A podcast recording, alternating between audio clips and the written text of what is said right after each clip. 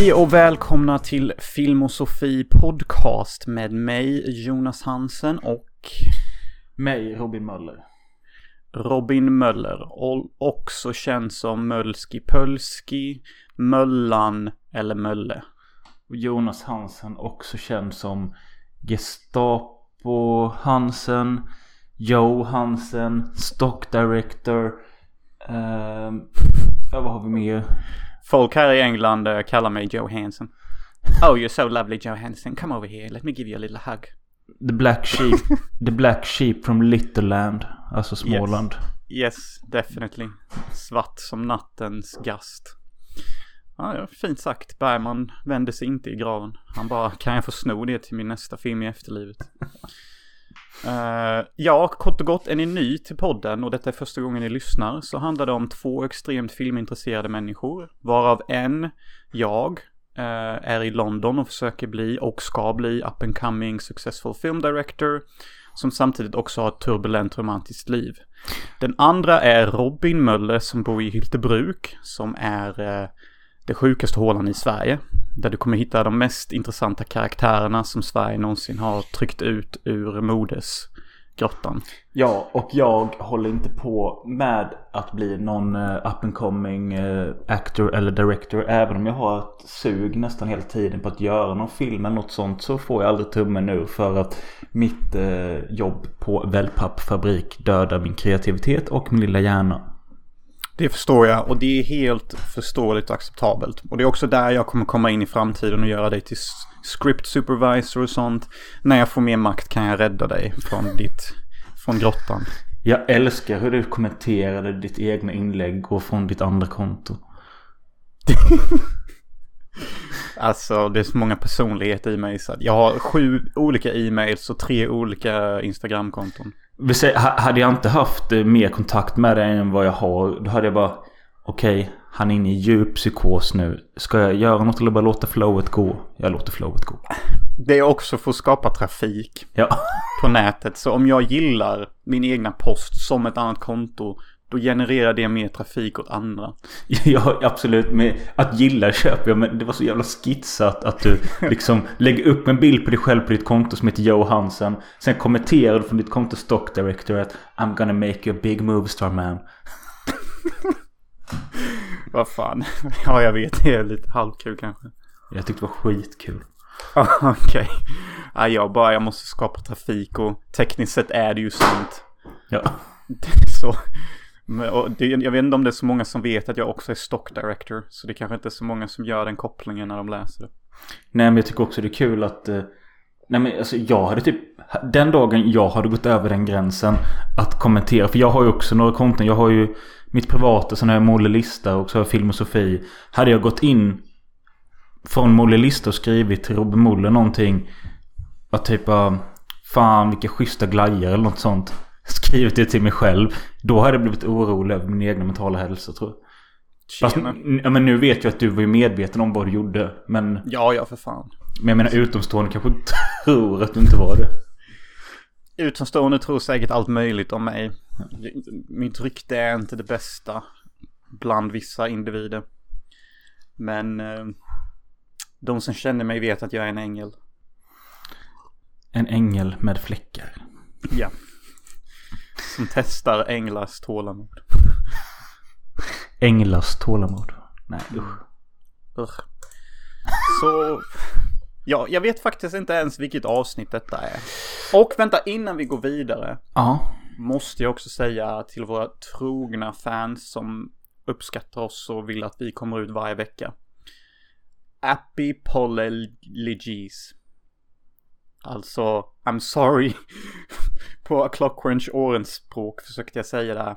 För att det har tagit sån tid att få ut ett nytt avsnitt. Och det är mitt fel för att inte jag kan hålla mitt romantiska liv i check.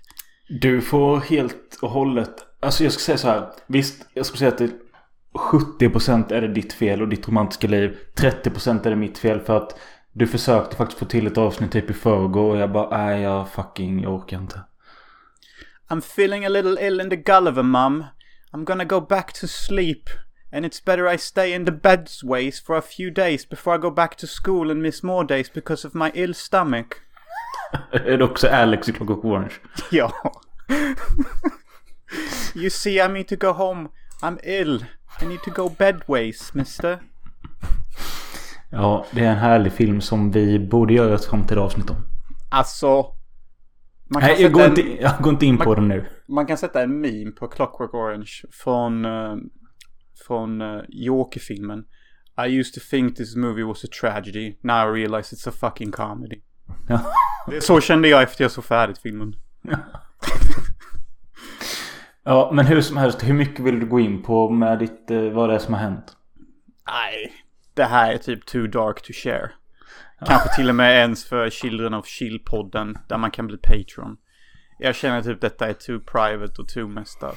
Ja, men jag undrar bara. Eh, vart håller du hus nu? Jag är ju fortfarande kvar i mitt gamla boende men min tjej lever inte här. Hon lever i samma lägenhetskomplex i ett annat rum.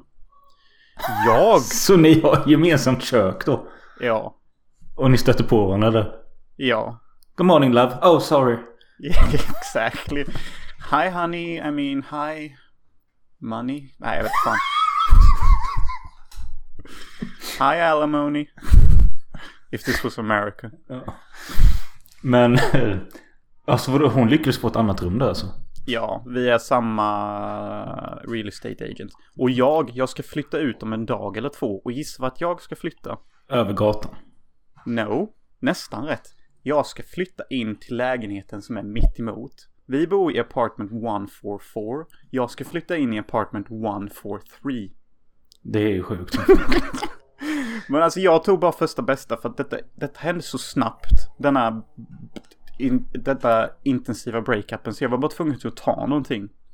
Och då sa min real estate agent, jag har faktiskt någonting som är mitt emot. Och jag bara, fucking let's do it, jag pallar inte. Men en sak jag inte hänger med på. Det är att. Ja men lyssnarna fattar och liksom så. Du blev typ utslängd. Du stack till en polare. Och nu är du tillbaka i lägenheten och det är tjejen som stuckit. Mhm. Okej, ja. Nej men då är jag med. Ja, och det var pretty fucking amazing att stanna över hos den polaren eh, jag var hos. Italienare är hon. Hänga lite med hennes friends. Uh, kötta smokes. Vi rökte inomhus. Fan vilken lyx. Alltså vanliga cigarettos. Ja. Och så gjorde vi lite risotto.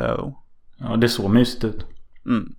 Så det var väl en trevlig break från mitt annars... eh, The War of the Roses-aktiga livstillvaro.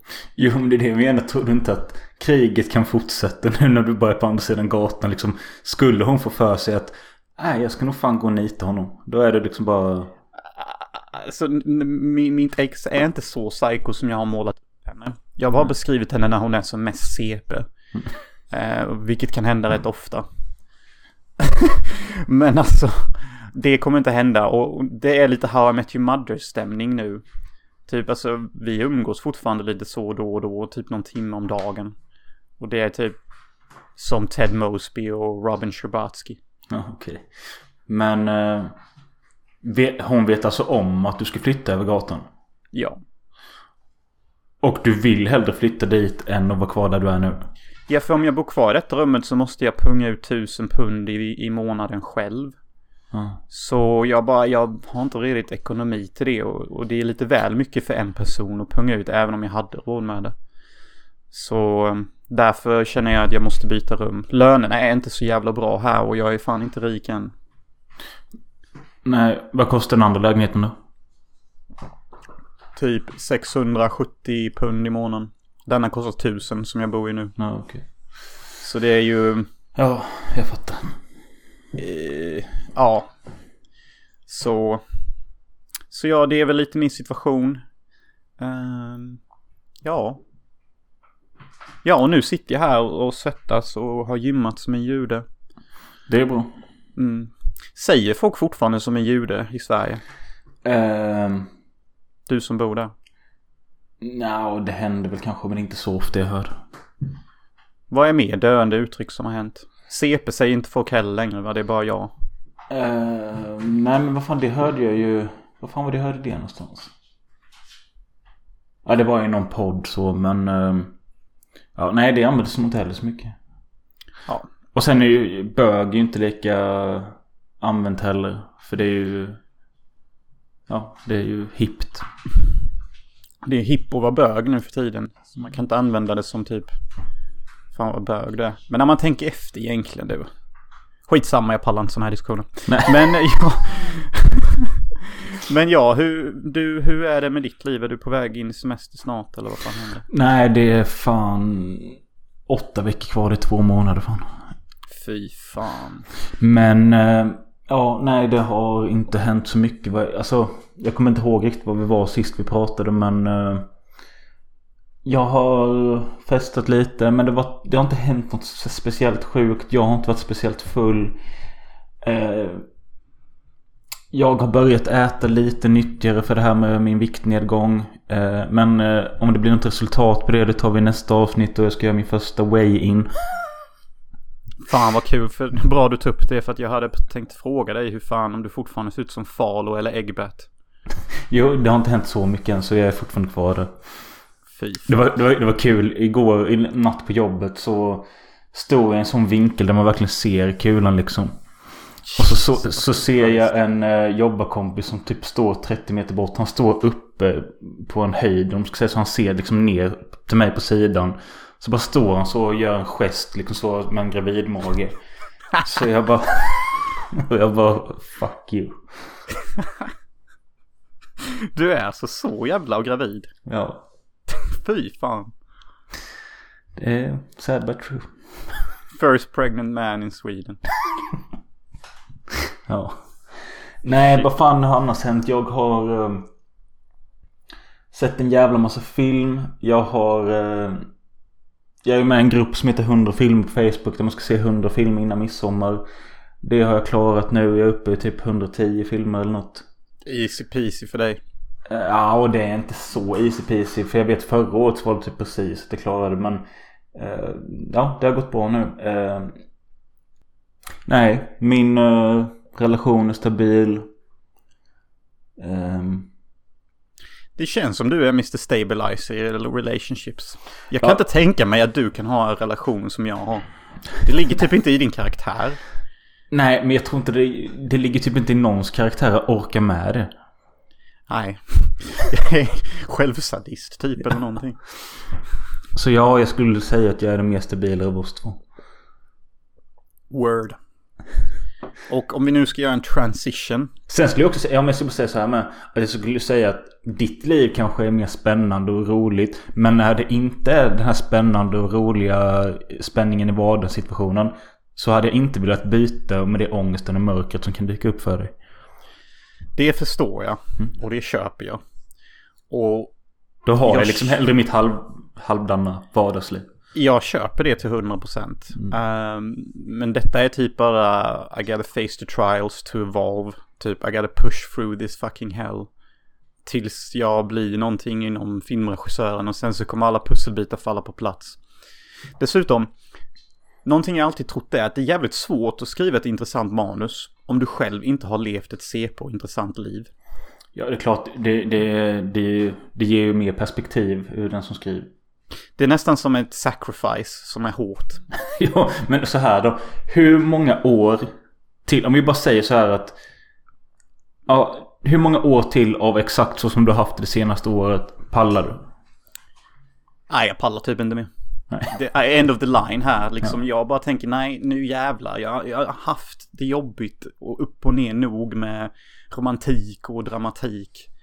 Det är ju dags att bara make the fucking movie and make the fucking connections och bara fucking film shit. Du ska inte testa bara försöka skaffa lite mer vänner i London som kanske är intresserade av filmskapande och sånt. Och skita i att försöka inleda någon jävla romans. Det är exakt min plan Mölle. Det var exakt det jag har gjort den senaste veckan nu när jag varit borta också. För den italienska vännen jag sov hos, hon är helt besatt av fucking acting. Vi känner producenter och actors. Så mötte jag också upp min LA-polare Eleonora från eh, USA som jag gick i samma skola med. Som har gått producentlinjen. Hon jobbar också inom filmbranschen. Så vi har haft lite get-togethers här. Så jag skiter helt i att inleda romanser och sån skit. Eh, när nästa romans kommer så får den komma via något jävla filmprojekt. Typ som när Steven Spielberg gjorde Indiana Jones 2. Och han gifte sig med eh, huvudskådespelerskan. Men, vem var det? Eh, det är hon som bara typ skriker hela tiden och är rädd för ormar och skit. Och du pratar med en kille som inte vet. Ja, fucking hell. Nej, jag vet inte vad hon heter. Nej okej, Du skitsamma. har inte sett Indiana Jones? Nej jag vet. Nej, fy fan. Ja, till er som är nya och hör detta första gången. Han har inte sett Braveheart. Han har inte sett Armageddon. Han har fan knappt sett Sagan om ringen. Han har inte sett alla Star Wars. Och han har inte sett Indiana Jones, sa jag det? Ja. Han har inte sett Independence Day. Han har inte sett Day After Tomorrow. Han har inte sett... Jo, den har jag sett. Okej då, men den räknas knappt. Nej. Listan är ändlös typ. Har han sett Die Hard 2? Nej, tveksamt. Jo, den är bättre än första typ. Va? Typ. You get out of here. Ja. Så, så ja, det du nyss sa är faktiskt någonting jag har redan implementerat. Om det ens är ett ord. Jag tror det. Eh, och jag, jag skiter helt i romanser. Jag, jag klarar inte det här med fucking chicks. Alltså, jag har en tendens till att falla för de mest komplicerade och, intensiva brudarna alltid. Och det bara äter upp mig. Trubbel. Dubbel trubbel. Team Rocket, ingen kommer undan oss. Ja, en referens till Pokémon-serien som gick början av 2000-talet. By the way, vet du vad jag fick reda på som är tragisk? Du vet katten som de alltid hänger med som kan tala som en människa. Team Rocket. Ja, Ja, jag kommer inte ihåg vad den heter. de har en liten katt som heter Mewfu eller någonting. Ja, du tänker nog på Mewtwo, men det är inte den. Men ja, Nej. jag vet. Ja. Eh, det är ju den enda Pokémonen som pratar som ett fucking uh, människohelvete. ja. Och det är för att eh, han blev kär i en annan Pokémon och den Pokémonen sa jag kan endast bli kär i människor. Så den här katten sträckte på sig då och försökte lära sig prata människospråk. Så det är en typ astragisk simp-historia till varför han beter sig som en människa. Hur vet du detta? Ja, jag kollade upp det. Jag har för mycket fritid ibland. Vad fan finns det för backstory på den där gamla katten i Team Rocket? Ja, herregud. Ja, Jag men det är sån, sån info man kan eh, ha nytta av vid middagar kanske. Ja, men det är väl om man ska skriva någon karaktär och behöver lite character development så kan man väl ta lite inspiration från allt möjligt typ. Ja. Nej, det, jag trodde bara inte jag skulle lära mig det då. Nej, men today, today was the day we all answered the question why just one Pokémon can speak human. Ja. Han, han tvingade sig själv till att kunna det för en bruds skull. Mm. Vad är sensmoralen? Han blev inte ihop med henne, så... Men han fick två polare istället. Team Rocket. Ja. Nej, riktigt störd katt. Tror det är min, kanske min favoritkaraktär. Efter Team Rocket då. Så tredje favoritkaraktär. Mm. Men jag skit i Pokémon. Vi Mm. kanske kan ha Pokémon-tema någon annan dag. Kanske. Ja, kanske. Men till dagens tema som jag vill Mölski Pölski ska inleda i är ju Takishi Mike. Störd Asian man. Som inte verkar göra annat än att regissera filmer. Nej, han är väl uppe i typ 100 långfilmer. Och då har han även gjort lite tv. Och han har gjort barnfilm, actionfilm, thrillerfilm, skräckfilm. Han har fan gjort allt. Och eh, han slutar inte eh, att vara kreativ. Alltså, jag såg nu...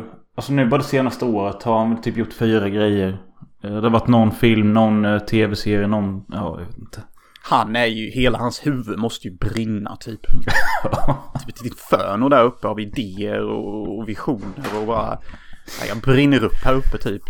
Jag läste något citat om hur, alltså han hade fått frågan bara Hur orkar du ha sånt högt tempo liksom och bara, han bara, nej men när man väl bestämmer sig för att nu ska jag göra denna filmen på en månad och direkt efter den ska jag börja på den andra Då gör man bara det och till slut så vänjer man sig vid det tempot och eh, den gången du inte har Typ eh, ett nytt projekt som du vet ska börja på direkt efter Det är då du får panik och mår dåligt Fy fan, han är min spirit person. Exakt ska jag det fucking anamma och bara...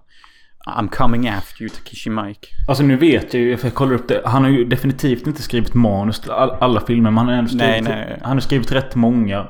Men det är det jag menar. För det, det man hinner fan typ knappt skriva hundra manus på en livstid. Nej, det gör man inte. Och inte om man vill att det ska vara hållbart och bra typ. Nej men typ om man typ tar som eh, Jess Franco som har 250 filmer eller något sånt. Men där ser man ju också att Ja, han har filmat två stycken samtidigt. Det går inte att hänga med i någon av dem. Och det är samma skådisar med andra namn och liksom... Han har bara kört liksom. Ofta. Ja. Men sen finns det vissa då bara... Okej, okay, nu ska jag verkligen göra den här filmen. Jag ska lägga ner mycket tid på den. Få en månad. Han har ju gjort en del mästerverk, Jess Franco. Som Venus in Furs. Speciellt tänker jag på. Ja, den är bra. Nu kommer jag inte på några mer. Nej. Men, Men det, i, ja. han och, och Takeshi Mike, de, de är ju idoler för mig. Ja. Jo, det är ju inspirerande. Man blir ju bara... Det räcker nästan, nästan att gå in på ja, någon sån här snubbes IMDB-sida. Bara se vad... Okej, okay, han har över 100 credits. Hur gammal är han? Okej, okay, han är 55-60. Men det betyder ändå liksom att han... Det är ju... Säg att han har varit verksam i 30 år. Då har han ändå gjort Alltså tre produktioner per år och det, ja.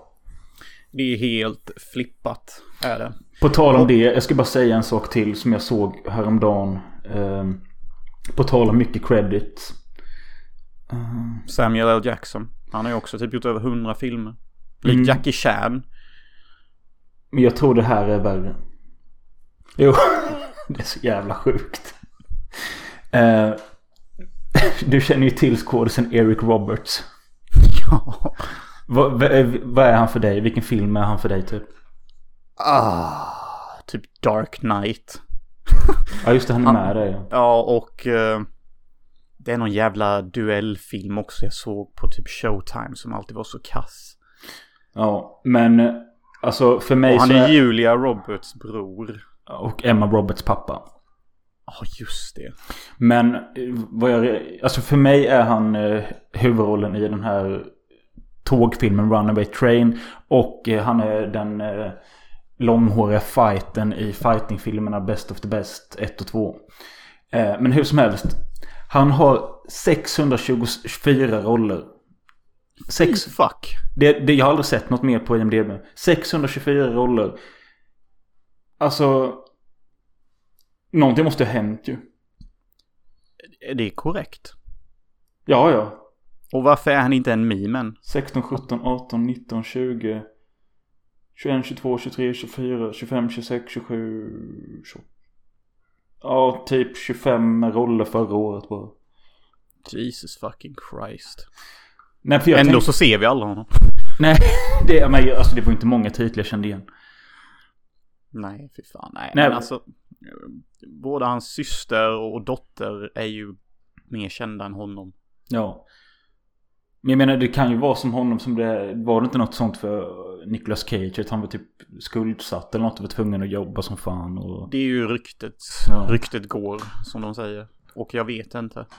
Jag tror bara Nicolas Cage är som Keanu Reeves, typ att de bara älskar jobba och är inte bra på något annat i livet typ. Ja, men jag får ändå någon mörkare vibb av de här 624 filmerna med Eric Roberts där Typ, ja. Det är tio stycken som du känner igen där kanske. Ja, herregud. ja, det är mysko alltså. Ja. Ja, jävligt mysko tycker jag ändå. Ja. Hur som helst, Takeshi Mike. Eller Takeshi Mike som vissa säger. Jag vet inte vad som är rätt. Skitsamma. Jag introducerades till honom. Och nu jävlar spelar unga fotboll här utanför. Fucking kids. Ja. Jag introducerades till honom eh, kanske någon gång i högstadiet. Eh, då jag kom över en lista eh, över de hundra mest kontroversiella filmerna just då. Och på listan där stod Ishi the Killer Man. Och eh, den släpptes kort därefter på svensk DVD av Studio S. Och jag köpte den Satte igång den, var astaggad, tänkte nu kommer jag få se något riktigt sjukt. Alltså, och då tror jag redan hade sett liksom typ August Underground och Salo och sån skit. Så när jag drog igång detta. Visst jag kommer ihåg att jag blev impad av att öppningsscenen så är det typ någon, något inbrott eller någon fight eller något. Och eh, eh huvudrollen, han är inte ens huvudrollen men rollen Ishi. Han blir kåt av någonting och kommer på en ruta och i sperman så formas eh, titeln till filmen. Väldigt, väldigt kreativt. Ja, och det kommer jag aldrig glömma. Men sen blev filmen mest bara en jävla röra av olika Yakuza-medlemmar som sprang hit och dit. Och det fanns väl någon sån här brutal scen där någon torterade någon. Men överlag så kunde jag inte bry mig om filmen. Hans actionscener är ju rätt hyperactive och typ coola och roliga.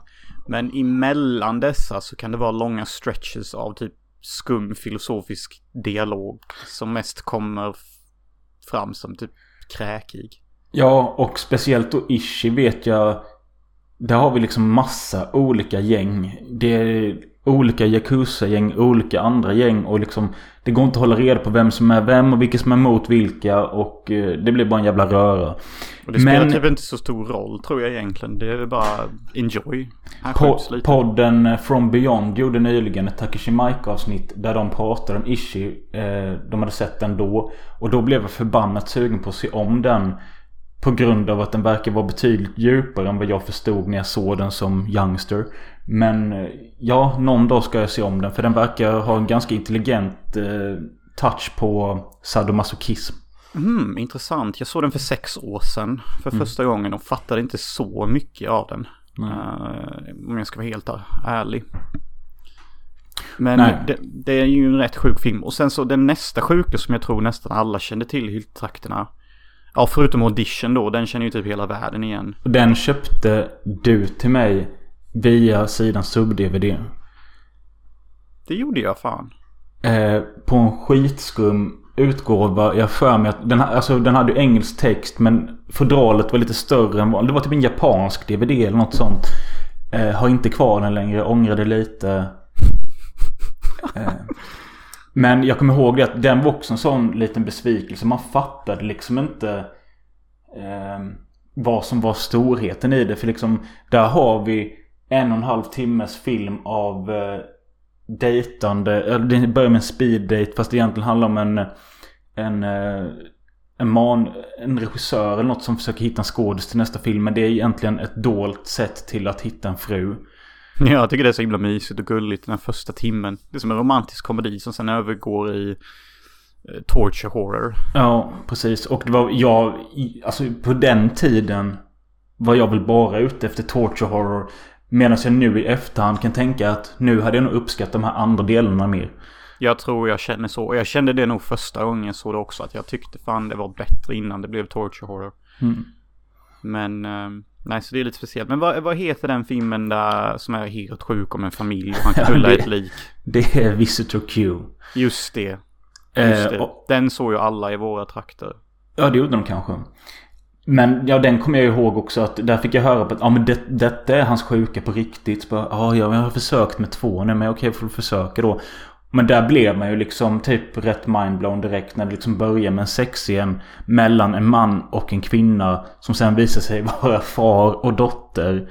Och sen bara blir filmen stödare och stödare och stödare. Ja, han, han knullar ju sin dotter när hon är död och fastnar i henne. Med kuken typ. Ja. För att det är rigor mortis eller något sånt. Ja, så knullar man ett lik så fastnar man typ. Ja, jag ja. vet inte om det är sant. Det är också det att eh, först tycker han att hon är våt ju. Men det är ju att hon har skitit ner sig när hon dog. alltså ja. Visitor Q skulle jag väl säga är hans stördaste och mest eh, inhumana. Men den handlar också om en familj. Så det är lite så här. Det är en dysfunktionell familj och det kommer en besökare dit som bara dyker upp från ingenstans för att fixa den här familjen. Man fixar typ ingenting, han bara gör det värre typ. Ja, det är sant. Och så det, och så det är också lite så här American Beauty-vibbar när en av familjemedlemmarna filmar med en kamera också. Ja. Så det är liksom American Beauty gone fucking horrible. Low budget backbone of Asia somewhere. Verkligen. Men det är ju den som jag tycker på något sätt är lättast att se om. Bara för att jag vet att nu får jag liksom 90 minuter och det kommer hända något sjukt var 50 minut. Det är nog faktiskt sant. Ja. Är, är, man en, en simpel man med simpel taste så är väl Visitor Q det bästa. Ja. Men... Eh, ja, och sen eh, har det väl blivit en liten paus på Takeshi Mike de senaste åren. Jag kanske har sett någon mer jag vet inte riktigt. Eh, men alltså det har dykt upp. Jag vet det kom någon för typ förra, förra året som har fått stor hype även i Sverige. Som är någon samurajfilm. Något som heter Blade of the Immortal. Ooh, eh, och den, den ska vara... Alltså asbra. Tjena fucking mittbena. Ehm, men nu när vi då skulle se några filmer här så valde jag valde ju First Love för att jag var taggad på den. Du valde Lesson of the Evil. Mm. Och det är de två vi ska prata om idag och jag tycker vi kan börja med First Love.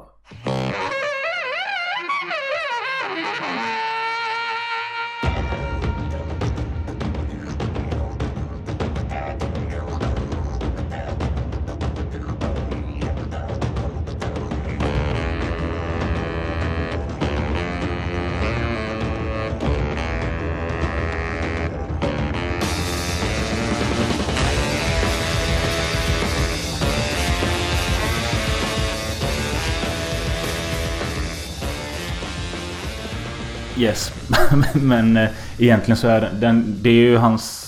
Ja, nu har han väl hunnit göra tio filmer sedan dess. Men den kom 2019. Mm.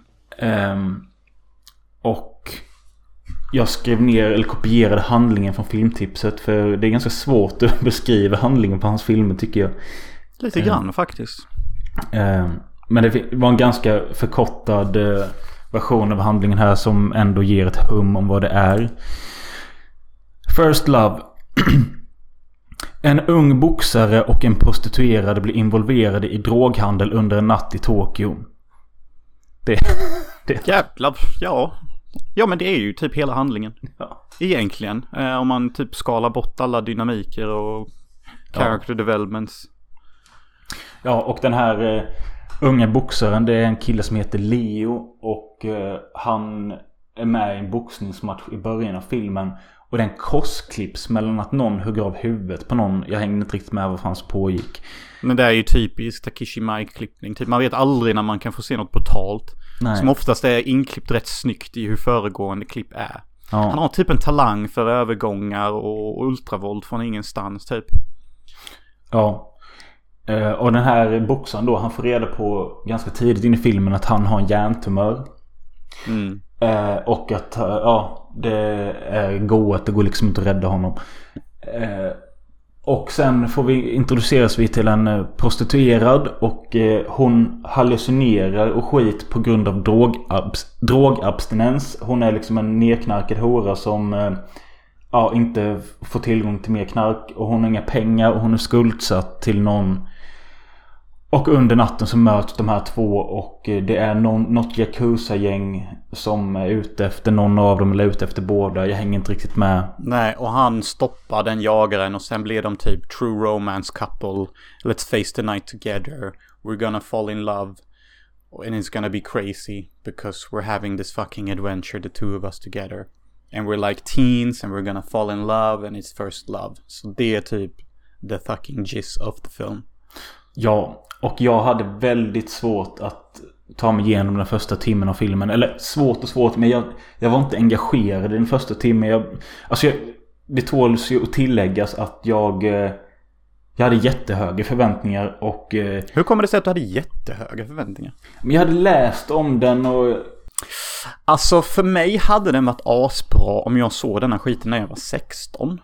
För även fast filmen är typ brutal och det är mycket blod. Själva liksom tematiken och feelingen är ju liksom riktad till tonåringar. I humorn och det hur deras kärlek blommar och sånt. Alltså det är ju typ inte en film för en mogen adult. Det tänkte jag faktiskt inte på. Men det var bra att du la till det där med humor. För det är någonting som nästan finns i alla hans filmer. En liten gnutte i alla fall. Ja, ja. Det, det, det, det finns ju liksom inget liv utan humor. Alltså, folk drar ju skämt hela tiden om allting typ. Jo, jo men, men man kan ju säga typ att uh, Mikael Hanekes Sjunde kontinenten, är den rolig? Ja. Nej, eller Satan Tango. Nej. Det är ju ingen, ing, ingen humor där. Nej. Men alltså, det, det är ju orealistiskt. Typ. Ja. Till och med de mest deprimerade stunderna har ju humor. Ja. Om jag ska vara helt ärlig tror jag inte gått en dag i mitt liv utan att jag har skrattat åt någonting. Även som när jag varit mest deprimerad. Nej, nej, det, nej jag fattar vad du menar. Men eh, ja, alltså, jag har inte tänkt på det här att den är riktad till yngre publik. Men hur som helst. Efter den här första timmen. Där vi, det känns för mig i alla fall som att man bara blir omkastad till olika karaktärer. Som eh, babblar på om någonting och så möts de till slut. Mm. Eh, Men efter ungefär en timme in i filmen så händer någonting som, där jag liksom vaknade till och tyckte genuint var kul. Eh, och det är en liten spoiler för de som tänkte se filmen men egentligen inte så. Och det är att eh, den här killen med hjärntumör han får ett samtal från sin doktor. Eh, som berättar, för den här killen har liksom, han har gett sig ut den här natten och räddat den här prostituerade och tänkt att fuck allting för jag har ändå en hjärntumör och kommer dö av. Och då Mm. får han samtal av sin doktor så bara Ja förlåt vi har liksom blandat ihop grejer vi har sett fel. Du har ingen hjärntumör. Jag tyckte också det var fett kul. Och han bara, men jag har ju gett mig in i allt detta. Vad i helvete? Men sen så är det ju, sen lägger han på och sen ringer han igen. Nej han har spelat in meddelande ju. Massa meddelanden är det ju. Ja men han är klart CP-orolig doktor. Ja. Liksom får man ett sånt öde, alltså Ja. det är nog rätt många som bara kanske går och tar livet av sig eller Ja, super sig det- asfull. Det är det han säger i sitt sista meddelande. Bara, ja vi hoppas, jag vill bara påpeka igen att du har ingen tumör och vi hoppas inte att du har gjort det värsta. Ja.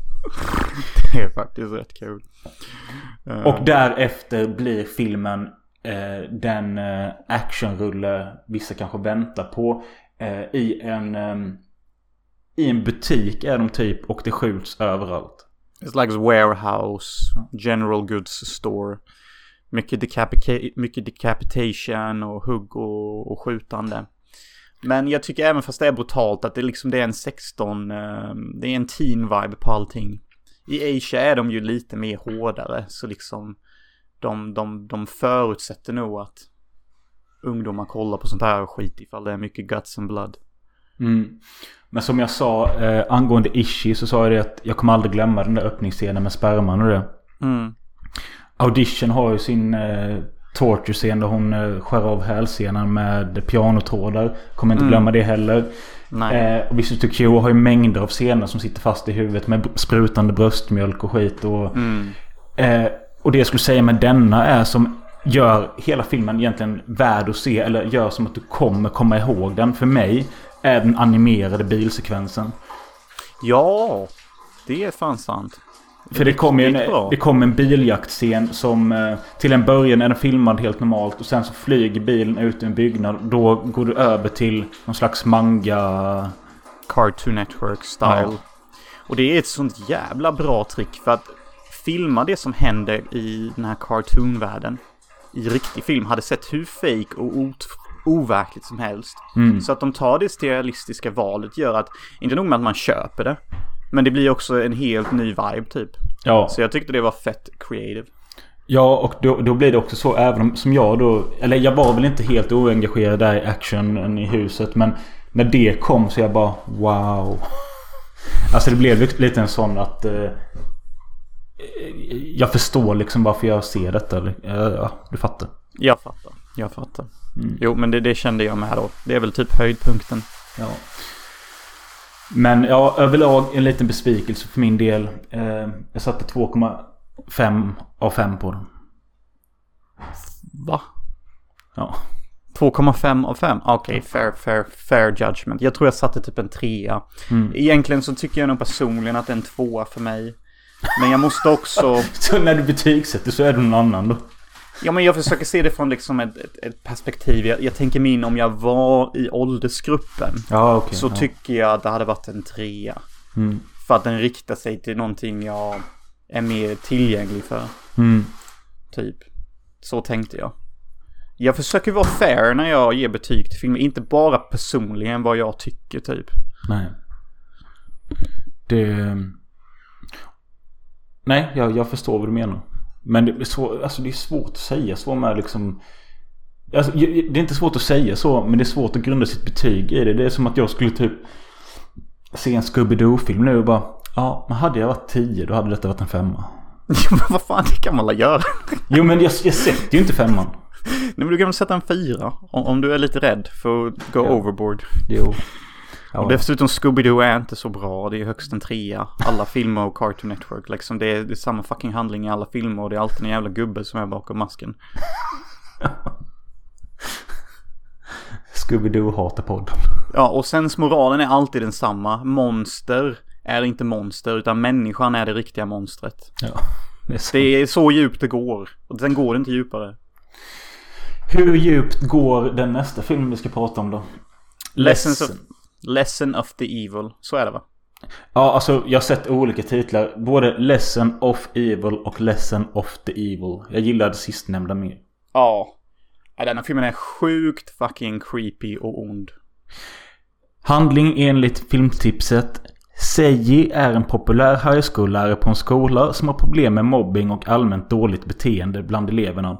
För att få bukt på problemen kokar Seiji ihop en extrem plan. Att ta ett hagelgevär till skolan efter han har låst in alla barnen och skjuta ihjäl dem. En efter en som att han är en deprimerad, manisk tonåring som spelar GTA typ. eh, innan dess så har vi liksom att den här Seiji som han tydligen heter är Han är ganska ny lärare på skolan. Och de har som sagt problem med fusk på prov och sånt och eh, deras åtgärder är att ja men vi Ungdomarna får inte ha sina mobiler på lektionerna. Eh, men det fuskas ändå tills den här nya läraren typ stänger av nätet till byggnaden eller något sånt så de kan inte fuska längre. Eh, och en annan lärare på skolan börjar nysta lite i den här nya läraren. Att eh, det har hänt något skumt på hans förra skola och eh, det har hänt något skumt i hans uppväxt. Och på den, den klassen han hade förra gången där tog jättemånga livet av sig. Hans föräldrar tog livet av sig och ja, massa sån skit. Det är väldigt skumt.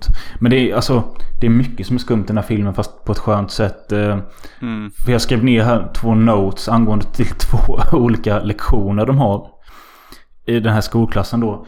Det ena är en evakueringsövning. Det kanske är någonting man har i Asia, jag vet inte. Men de är alltså uppe på typ tredje våningen och eh, släpper ner någon slags... Eh, vad ska man kalla det? Ett rör eller något. Som du ska kunna glida ner i ifall det börjar brinna. Mm. Eh, det är något de får lära sig på en lektion. En annan lektion är att man får lära sig att använda en defribli... Defribli... Defribli... Vad heter Defib, det? Defibul... Kan inte ens säga det på engelska. Defibrillator, I think. Ja, defibrillator. Defibrillator. alltså en sån hjärtstartare. Mm -hmm. eh, och då passar ju en kille självklart på att leka med den med sin kuk. och bara är allmänt otrevlig mot läraren. Och kör den här defibrillatorn på kuken. Och eh, säger att medan han tittar på sin lärare att nu kommer jag typ. Alltså det, det, filmen är rätt fucking weird första timmen. För att det är typ så här casual lektioner. Läraren är askarismatisk. Sen så börjar han hångla med någon elev helt plötsligt.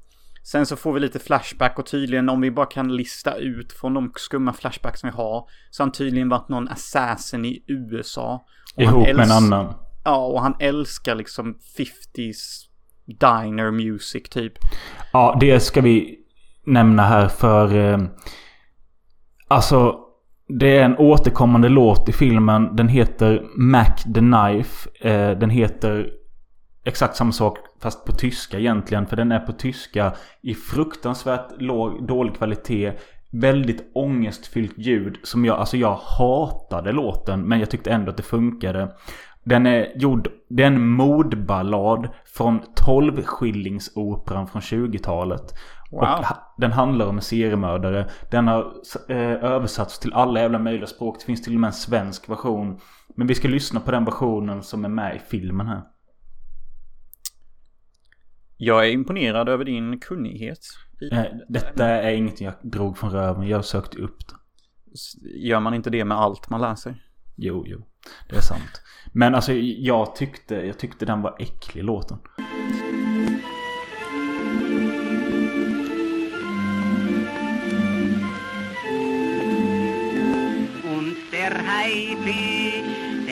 Hat Zähne und die trägt er im Gesicht. Und Mekis, der hat ein Messer, doch das Messer sieht man nicht an dem schönen Jag tycker hela denna filmen är rätt äcklig om jag ska vara helt allvarlig. Alltså jag har inte sett en mer mörk och ond film. Han låser in 40 skolbarn. En efter en skjuter han ihjäl dem. Han visar typ ingen glädje för det. En, han gör det till slut när han har blivit så jävla blodgalen efter att ha skjutit ihjäl 20 småbarn. Då börjar hans jävla hagelgevär förvandlas till någon slags demon. Så, så, så, så liksom hans hagelhållare typ blir ett ansikte som är helt blodrött. Och den demonen som är i hagelvärdet säger typ till honom. Du, du tycker inte du ska försöka njuta lite mer och ha lite mer kul typ. Alltså det, du är ju på en awesome rampage. Och då börjar han tänka på lite 50s music och visa lite leende. Och fortsätter skjuta ihjäl alla supersystematiskt. Och den här eh, saken han ser i sin gevärskolv. Det tror jag ska föreställa hans gamla partner. Som man ska förstå han jobbade med i USA. Och som han till slutligen dödade tror jag. Det kan nog stämma, det tänkte jag inte ens på. Nej. Men det är ju Eh. så fucking intens när han skjuter ihjäl barnen. Jag älskar trappscenen där det är typ 13 barn samlade. Ja. Och jag tänker typ, om ni bara attackerar honom samtidigt. Så, så kan ni övertala honom. Men de är så rädda och de bara trycker sig in i ett hörn och han bara Pam, Pam. Och han har ett dubbelsidigt hagelgevär så han måste ladda om och rätt ofta. Ja, och Han bara- han har bara- jävla mycket skott han har. det blir ju jävligt spännande när en elev hämtar en pilbåge. Och ska Ja, rädda det. sitt kärleksliv. Och det blir typ såhär bullet time och arrow time. Man bara shit this is fucking intense. Men den här läraren är helt otrolig typ.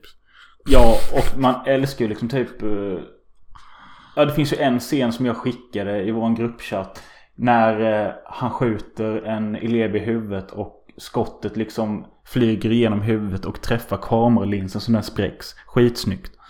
Ja, jag har aldrig sett det innan. Tyckte det Mm. var sjukt kreativt och coolt. Men alltså sånt här ser man ofta till Kishimike. Typ små grejer i redigering och vinklar i actionsekvenser som bara gör det så mer livligt än your typical die hard, I don't fucking know, SWAT action scene typ. Ja, och alltså det är ju mörkt som fan. Och du skrev en kommentar på Letterboxd att du kände dig ond själv typ. Ja, men jag såg den också med min tjej at the time och hon bara hon kunde inte kolla på filmen. Hon bara denna filmen är, Hon sa alltid this film is so creepy. It's creeping me out. I feel so evil. Why are you watching this? Like, hon bara liksom så här typ dömde mig och hela min upplevelse med den här filmen. Så jag tror det influerade mig lite att ja det är rätt sjukt att jag kollar på en film om en lärare som systematiskt dödar en hel skola med ett hagelgevär. Och typ ser demoner i sin bössa. Och detta är hur välgjort som helst. Ja. Alltså jag såg den helt själv men jag, visst jag kände av den mörkret. Jag, jag satt ju där bara Okej detta är fucking sjukt. Hur många ska han klippa innan han blir tagen? Och jag men, Nu är det ju kul när man tänker på det efterhand. men det är liksom han det är ju, Om man tänker kanske någon gång ska han liksom stanna upp, tänka vad han håller på med, känna Känna compassion för någon. Nej, inte en enda gång. Han bara skjuter och skjuter och skjuter. Ja, det är så jävla... Han är så jävla hängiven eller vad fan, är dedikerad typ. Och jag, jag, vet, jag tyckte verkligen om det. Att det inte, att det inte kom en sån där klassisk scen att han bara Okej, dig ger jag nåd. Din stackars flicka. Nej, verkligen inte. Noll nåd. Alltså, no fucking mercy. Som jag sa, liksom en manodepressiv tonåring som typ spelar GTA. Typ precis blivit utskälld av sina föräldrar. Bara går ut på gatan bara pang, pang, pang, Ja. I GTA då. Ja. ja, men eh, det finns också andra teman i den här filmen som man säkert kan läsa in mer grejer av till storyn om man är mer påläst. Jag är inte det. Men jag skrev ändå ner det som återkommer flera gånger i filmen och det är Hugin och Munin, de här korparna eh, i nordisk mytologi. Ja, just det ja. För den här läraren han har nämligen två korpar som sitter utanför sig och det kommer någon berättarröst om Hugin och Munin och det återkommer sen en gång till. Vad det vill säga vet jag inte. Jag fattar inte det, heller. Och sen finns det också någonting annat som nämns. Är den unge Werthers lidanden. Och det är en roman från 1700-talet. Eh, som blev väldigt kontroversiell och fortfarande är det lite tror jag för att eh, den handlar om någon jävla snubbe som är olyckligt kär och det slutar med att han tar livet av sig. Eh, och det ledde till någonting som kallades Werther-effekten. Där många olyckligt kära män började ta livet av sig efter att ha läst boken. Wow. Och det återkom också i filmen. Det var det jag började fundera på. Varför nämner de detta igen? Varför nämner de detta igen? Och det finns säkert något att läsa in om det men jag vet inte vad. Det finns nog fan mycket att läsa in i denna filmen. Eh, många olika teman och sånt. Det är ju en film jag kommer se igen. Kanske om två år eller tre år igen. Det tror jag definitivt. Ja, jag kände det med att eh, den var verkligen... Eh, alltså... Det är ju hans bästa film jag har sett känner jag nog. Ja, men sen det, det är det, det är det som är det lite jobbiga med Mike eller Mikael, vad fan vi nu, vad han nu heter. Det är att ja, man kan få Lessons, Lessons of the Evil som är genuint skitbra och intressant och det är någonting jag inte sett tidigare. Eh, men samtidigt så känner jag också att dra igång en Mikey-film och jag får alla de här olika Yakuza-gängen. Jag klarar inte av det riktigt. Ja, jag försökte ju dra igenom Dead or Alive-trilogin och det är ju det är mycket Yakuza och, och blandat skit och sånt och det har ju sina stunder. Uh, så det verkligen har. Uh, ja, Dead or Alive handlar om två snubbar som... Uh, ja, jag vet inte ens vad det handlar om men... Ja, jag, han, jag hängde inte med i handlingen. Det enda jag tycker är typ sevärt är själva slutfighten. När det, den ena killen drar, en, drar fram en bazooka från sin rygg. Typ jo, det har, jag, det har jag sett faktiskt på YouTube. Ja, det, det är helt over the top. Och sen så den andra killen drar ut sin själ. Och så typ kastar han den på honom och han skjuter en bazooka och sen så exploderar hela världen. Och bara, ja, det är liksom slutfighten typ. Det är hur jävla kul och over, over the top som helst. Men du skickade också en scen till mig. Från vilken film var det med den här chicken fighten? Ja, det är ju The City of Lost Souls. Ja. Eh, brasiliansk produktion också. Där de har sådana här cockfights.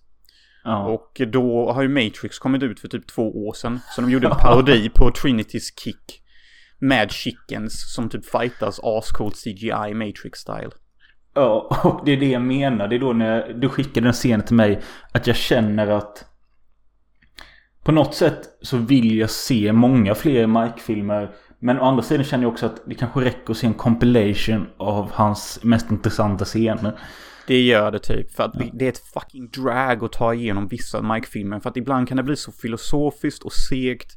Och karaktärerna är bara kräkiga. Och man fattar inte redan vad, vad saker ska symbolisera. Och det känns som att man bara fyller sin film med random dialog. För att komma till sina uh, hypersekvenser ibland. Mm. Men eh, alltså jag kommer se fler. Eh, det finns liksom Det finns en fem, sex stycken jag är genuint intresserad av att se i sin helhet. Sen hur det, alltså jag lovar att två, tre utav dem kommer vara sån här överraskning som Lesson of the Evil. Medan de andra kommer vara sån här lite halvbesvikelse som First Love. Men jag tror att alla kommer innehålla något sevärt. Ja, det är ju det som är det roligaste om man sätter igång Takeshi Mike-film. Might be boring 80%. Men de 20 procenten kommer du aldrig glömma. Och det kommer inspirera dig och ditt filmutvecklande som egen skapare typ. Ja. Eh, jag har, jag har, när vi gjorde, vad fan var det för podd? Det var Christopher Walken-podden. Då hade jag lite olika fakta om honom. Mm. Jag har bara ett fakta om Mikey. Eh, och det är, eh, han har berättat i en intervju vilken som var hans favoritfilm. Du får gissa. Uh, vänta, säg genre så jag kan göra en okej okay gissning. Uh, nej, jag kan säga gjord på 90-talet. Wow. Sent 90-tal. Fight Club? Nej. American Beauty? Nej. Matrix? Lite mer åt sci-fi hållet. John McEnochick? Från 97 tror jag. Nirvana? Från 97 tror jag.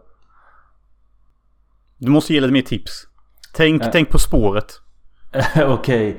Eh, ja, fem poäng har vi redan haft och fyra poäng. Um, och det, jag, vill, jag vill inte göra det för lätt heller. Vad fan ska säga? Hmm. Uh, uh, vad fan heter det? Politiskt. Star Wars The Phantom Menace. Nej, den kom ut 1999. ja. Uh, okay, tre, tre poäng. Po um, oj. Uh... Wait, Starship Troopers. Ja. det är rätt. Ja, men det kan jag fan köpa att han tycker det är sin favoritfilm. Ja. Det är fan nästan min favoritfilm här. Men jag Den kunde bara... typ vara gjord av Takashi Mike. ja, faktiskt. Men alltså jag bara blev så förvånad. Bara, Starship Troopers har som, som favoritfilm. Tyckte det var kul. Mm, mäktigt AF. Mm. Fan, då vet man ju precis vad man ska ta upp och prata om när man möter Takishi Mike. Problemet är ju att jag vet inte om han... Jag tror han kanske förstår lite engelska men han pratar ingen engelska. Hmm. Det kan nog vara sant.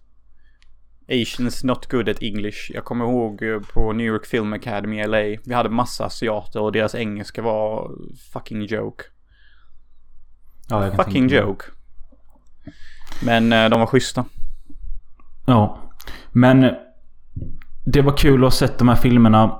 Eh, Verkligen, verkligen. Till nästa avsnitt vet jag inte riktigt om vi ska köra ett Kubrick- Kubrick-tema. Jag hade en annan idé annars och det är att vi skulle kunna se en Kubrick-film per podd.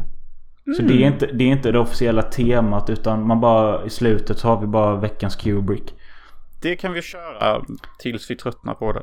Ja, för jag känner att många av hans filmer är rätt långa och det kan vara mycket att ta in i allihopa och jag tänker det kanske räcker med en per avsnitt.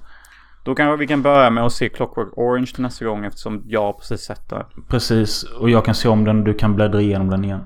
Absolut. Eh, det finns ju så jävla mycket att suga ut ur den filmen också. Så jag kan ju läsa på och studera. Ja.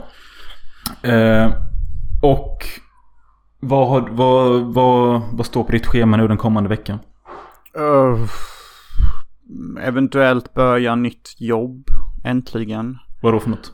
Uh, customer service thingamajingy. Uh, något sånt enkelt jag kan göra hemifrån. Jag ska också eventuellt möta upp uh, mer filmmänniskor och pitcha mitt manus, den här Assassin-filmen jag snackade om. Mm. Som nu har titeln Serpent in the Mind's Eye.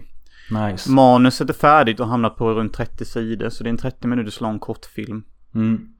Så eh, jag håller på att göra en lookbook och lookbook är ju liksom där man tar bilder och inspiration från hur man vill att sina scener ska se ut och karaktärerna klär sig. Så jag bara Ja. går in på Google och väljer scener. Den scenen vill jag ska ha denna lightningen, den här karaktären vill jag ska ha de här typen av kläderna i den scenen.